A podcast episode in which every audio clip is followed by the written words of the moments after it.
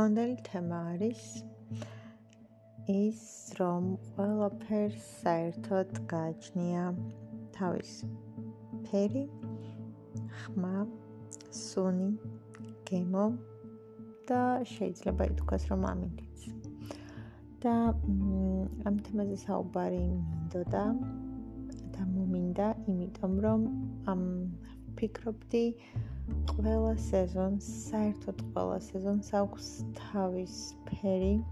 და ზოგადად ყველა მოვლენას, ყველა შემთხვევას, ყველა ეპიზოდს დროს ჩვენს ცხოვრებაში, ყველა მოგონებას, ყველა ემოციას, ადამიანსაც. და საერთოდ მე მგონი ყველაფერს გააჩნია ეს מחასიათებლები და ზოგადად ვფიქრობდი სეზონებზე და შემდეგ მივხვდი რომ საერთოდ ყველაფერს გააჩნია ეს ყველაფერი და რატომ ფიქრობდი ამ უცბად გავიგონე ბავშვობის შრიამული მათი ჟივილხივილი ხალისი და ეს თამაშის ხმები რომ თამაშობენ და ხმაურობენ და არ ვიცი ყვირიან დარბიან და მთელი მხიარულება და უცბად გამახსენდა მთელი საფულები ბავშვობა.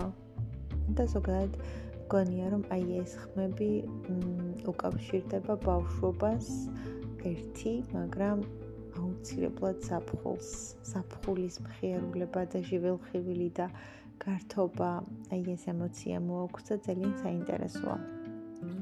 და მე რა დავფიქრდი რომელი დრო და სეზონი რას უკავშირდებოდა. საფხული ჩემთვის არის სიმწვანე, ფერებით სიმწვანე და ალბათ ყვითელიც. მწვანე ყვითელი და ძალიან ისეთი მკვეთრი ლურჯი და ხმები რომლებიც მახსენებს საფხულს არის ეს ჟიველხივილი ხიარულება, გართობა, სიცილი, კისკისი. არ ვიცი, აი მსგავსი ემოციები ყველაფერი და ხმები, ანუ ეს გართობა, თამაში, ხიარულება ყველაფერი უკავშირდება რაღაცნაირად საფხულს და როცა მესმის როგორ თამაშობენ, როგორ დარბიან და შეველხილობენ ბავშვები, ყოველთვის მახსენდება საფხული და საფხულის დღეები და აუცილებლად საფხულს უკავშირდება. გაზაფხული არის უფრო სალათისფერი და სალათისფერიც წვანეც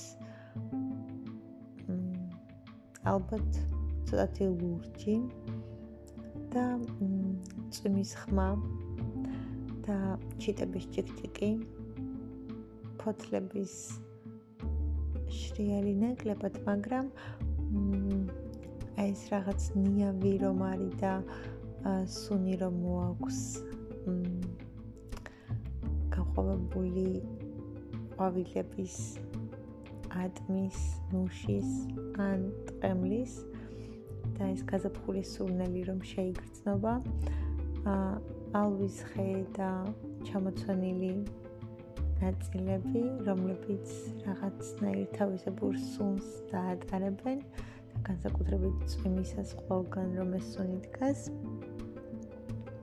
და ხო არ ვიცი, გაზაფხული ალბათ არის სალათის ფერი, უფრო მეტად და ნათელი, ყვითელი, ღია ყვითელი ოღონდ და ღია ცისფერი.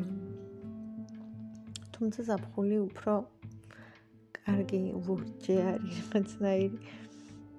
სამთარი არის თეთრი, ცოტათი ნაცრისფერიც, თეთრი, ნაცრისფერი და უფრო მეტად ჩუმი. ძალიან ძალიან ჩუმი და ისეთი სახში ყოფნა რომ გინდა მყუდროდ მშვიდად სახში რომ გინდა იყო ყავადალიონ ჩაიდალიო შენთვის იყო მუსიკას მოусმინო რამე წაიკითხო დაწერო ფილმს უყურო და გარეთ გასვლა რომ არ გინდა და ნუ ძირითადად ხო ჩემთვის თეთრი და ცოტათი ნაცრისფერი ფერი დაყვება. და შემოდგომა, შემოდგომა არის ყვითელი, წითელი, ოქროსფერი, ოდნავ მწვანე ან ჭაობისფერი მუქი მწვანე და უკვე ნოემბრის პერიოდისკენ ალბათ არის ნაცრისფერი აა ღია ნაცრისფერი და ხმები არის ალბათ რომლებიც მაგონებს შემოდგომას ნუ თავისთავად ფოთლების შრიალი ოღონდ სხვანაირი.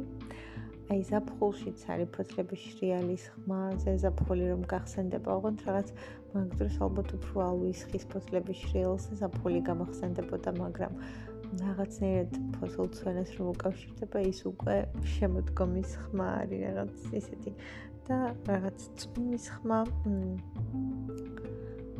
აა ასევე უკავშირდება შემოდგომას და არა ვიცი შემდგომს კიდევ რა გამახსენებს რომელი ხმა არ ვიცი მაგრამ ხო რაღაცნაირად ისეთი ესეთი ჩუმი ძალიან ისეთი თან წყნარი და ძალიან საუდიანი სეზონი არის და თან თბილი ყვითელი ფერით გაჯერებული ცოტა ზერო იკლებს და ბოლო რო არის უკვე და ძალიან რო გიყვარს მაინც მიუხედავად ყველაფრისა შემდეგ ვფიქრობდი, რომ ყველაფერს, აბსოლუტურად ყველაფერს გააჩნია თავისი ფერი. ფერი, რომ რომითაც აღვქვამთ ადამიანებსაც, მოვლენებსაც, ისტორიებსაც. ხმები, რაც შეიძლება იყოს სიმღერა და რა ვიცი, უბრალოდ რაიმეს ხმა, სუნი, გემო და არომატი და ამინდი.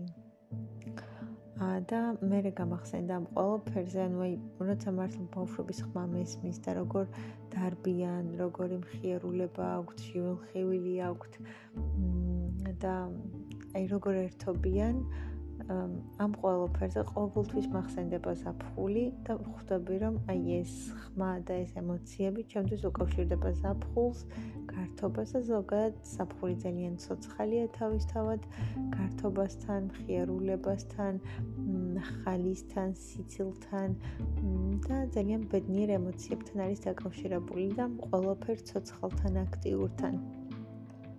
და ეს ძალიან საინტერესო იყო და შემდეგ გაზაფხულზე რომ დავფიქრდი, მივხვდი რომ ეს გაყვავებული ატმის ყვავილები, ტყემლის ყვავილები, ნუშის ყვავილები, აი ამ ამაზე მახსენდება მაგ მაგ ყვავილების ფოთოლცვენაზე მახსენდება სუნი, რომელიც მათ აქვს და ჰაერში ტრიალებს ალვისხის ნაწილები, ასე ვთქვათ, სუნი, რომელიც ასევე ხარში ტრიალებს და ყოველთვის გრძნობ და წვიმის სასიამოვნო შხაპნა წვიმის კაპაწკუპის ხმა რომ გესმის ეს უკვე გაზაფხულის შეგრძნებები და ემოციებია და ფერები სალათის ფერი ღია ღია ყვითელი და ღია ცისფერი და აი ყველაფერს მე მივხვდი რომ აქვს ეს מחასიათებლები და ყველაფერი რაღაცას უკავშირდება ჩვენთვის.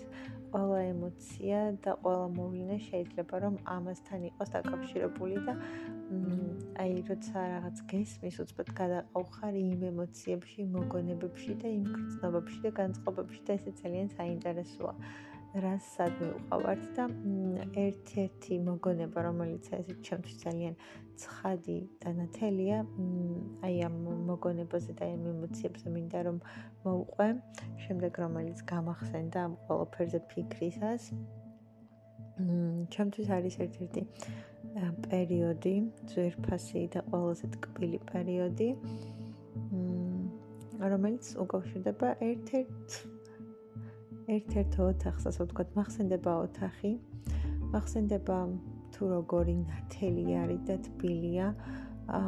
მზის ხიბები ათბობს ოთახს და ანათებს. ოთახი არის დღია ყვითელი ან ყვითელი, კრემისფერი ან თეთრი.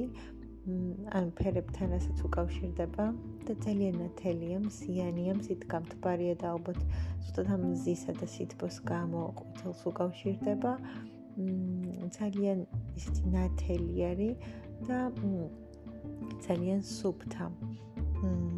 და ეს ფერები ფერები, რაც מחსენდება ამ ოთახზე არის თეთრი, კრემისფერი და ყვითელი, მუქი ყვითელიც და ასევე ღია ყვითელიც. და ხმა არის სიჩუმის, სიმშვიდის და ჰარმონიის და ასევე სიმღერა, რომელიც მუდმივად ისმის და მუდმივად מחსენდება, ეს არის heavenly. um და cigarette after sex ანუ მაგათი სიმღერები, ბევრი, მაგრამ განსაკუთრებით heavenly ტრიალებს მუდმივად ან opera house ან apocalypse ან რაღაც ეგეთი, არ ვიცი. ამ და არის ძალიან ძალიან ისეთი მშვიდი სიმშვიდი არის სიმყუდროვე სინათლე და აი ჰარმონიულობისა და ძალიან ძალიან დიდი სიმშვიდის და სიმყუდროვის განცდა ჩნდება ემოციურად რაც მოდის და ემოციაც ძალიან მნიშვნელოვანია რაც გვიჩენს რა ემოციას გვიჩენს ეს ყველაფერი რაც გვახსენდება და რაც რაღაცას გვახსენებს.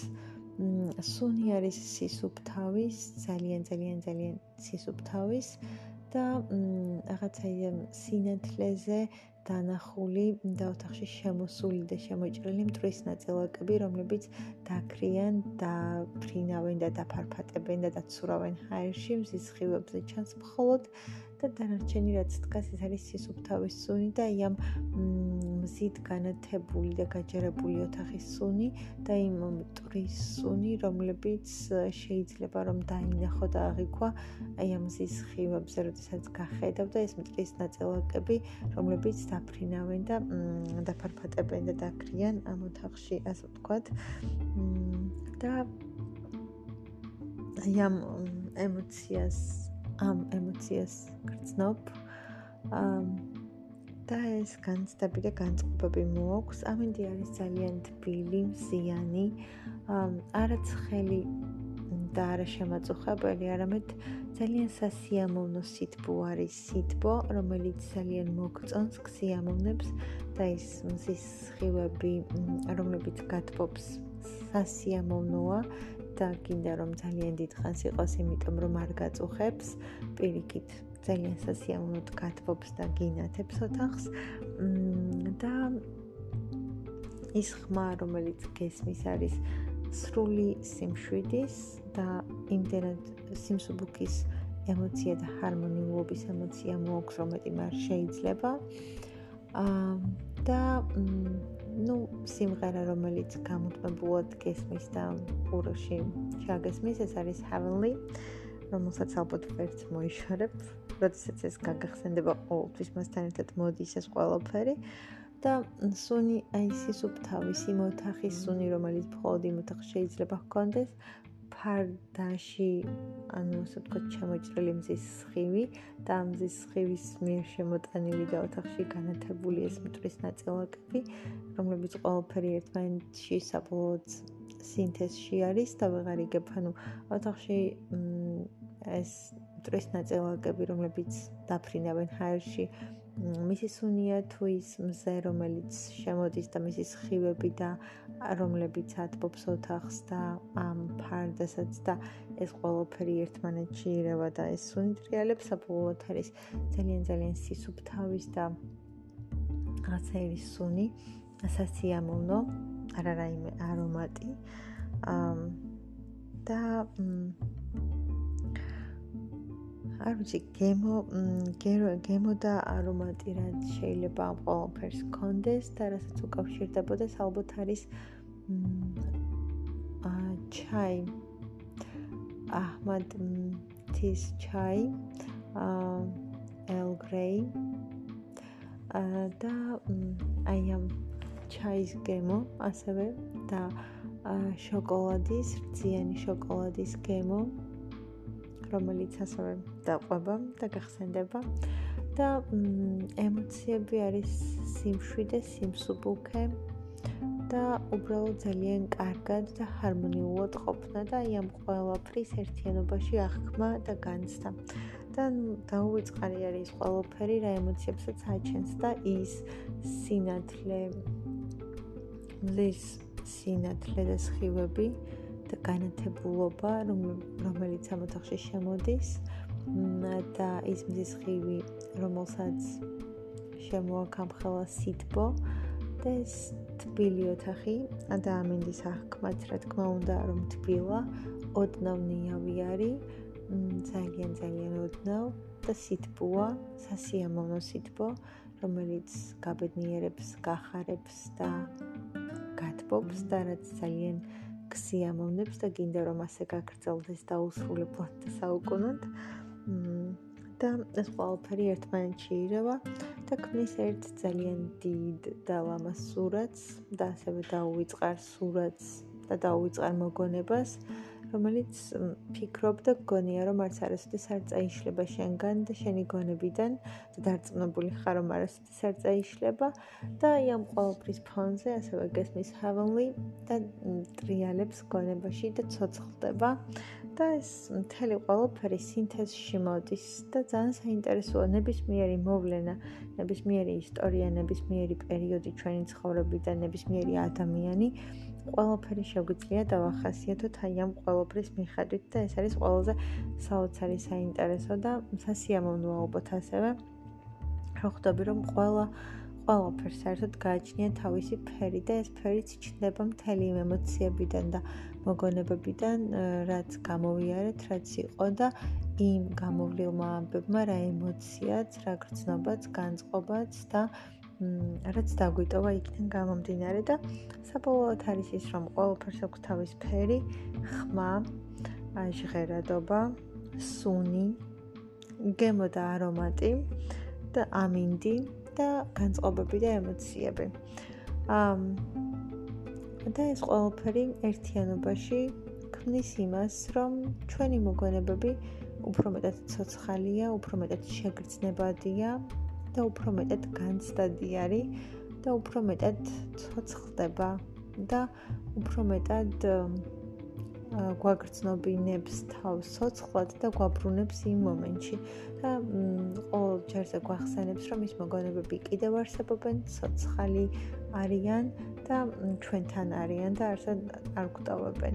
და ნებისმიერ დროს შეუძლიათ რომ უკან დაგვაბრუნონ, უკან წაგვიყვანონ და გვამოგზაურონ იმ მომენტში, იმ დღეს ან დღეებში და ყოველფერი თავიდან განგვაცდავინონ და ყველაზე საინტერესო ის არის რომ აი ამ ჩამოთვლილი ექვსეულიდან რომელი კომპონენტიც არ უნდა იყოს, რომელიმე მათგანი თუ გაცოცხლდა და რომელიმე მათგანმა თუ რაღაცა გაგვახსენა, აუცილებლად სხვა ემოციებსაც უცბად გააცოცხლებს და უკან წაგვყვანს უკან დაგვაბრუნებს და ყველაფერი რაღაცნაირად დატრიალდება და ყველაფერს თავიდან განვიცდით და შევიგრძნობთ და საოცარი არის, როდესაც შეგვიძლია მოგონებებში უკან დაბრუნება, იგივეს განცდა და შეგრძნება და ძალიან პატარა წვრილმან მომენტებს და ემოციებს შეუძლია რომ იგივე განგვაცდავინონ და უკან დაგვაბრუნონ. და ჩვენთვისაც ძალიან სასიამოვნოა ხანდახან და კიდევ ერთხელ ძალიან ტკბილი მოგონებები ასე ვთქვათ, გაცოცხლდებიან და იმ სიტკბოს და იმ ბედნიერებას ხელახლა რაღაცინად განგვაცდებინებენ და უკან დაგვაბრუნებენ. რაც ჩვენთვის ძალიან კარგია. გისურვებთ, რომ რაც შეიძლება მეტი და მეტი ტკბილი და სასიამოვნო ემოციები და მოგონებები გქონოთ. და კიდევ და კიდევ უფრო მეტი შეგეკნათ.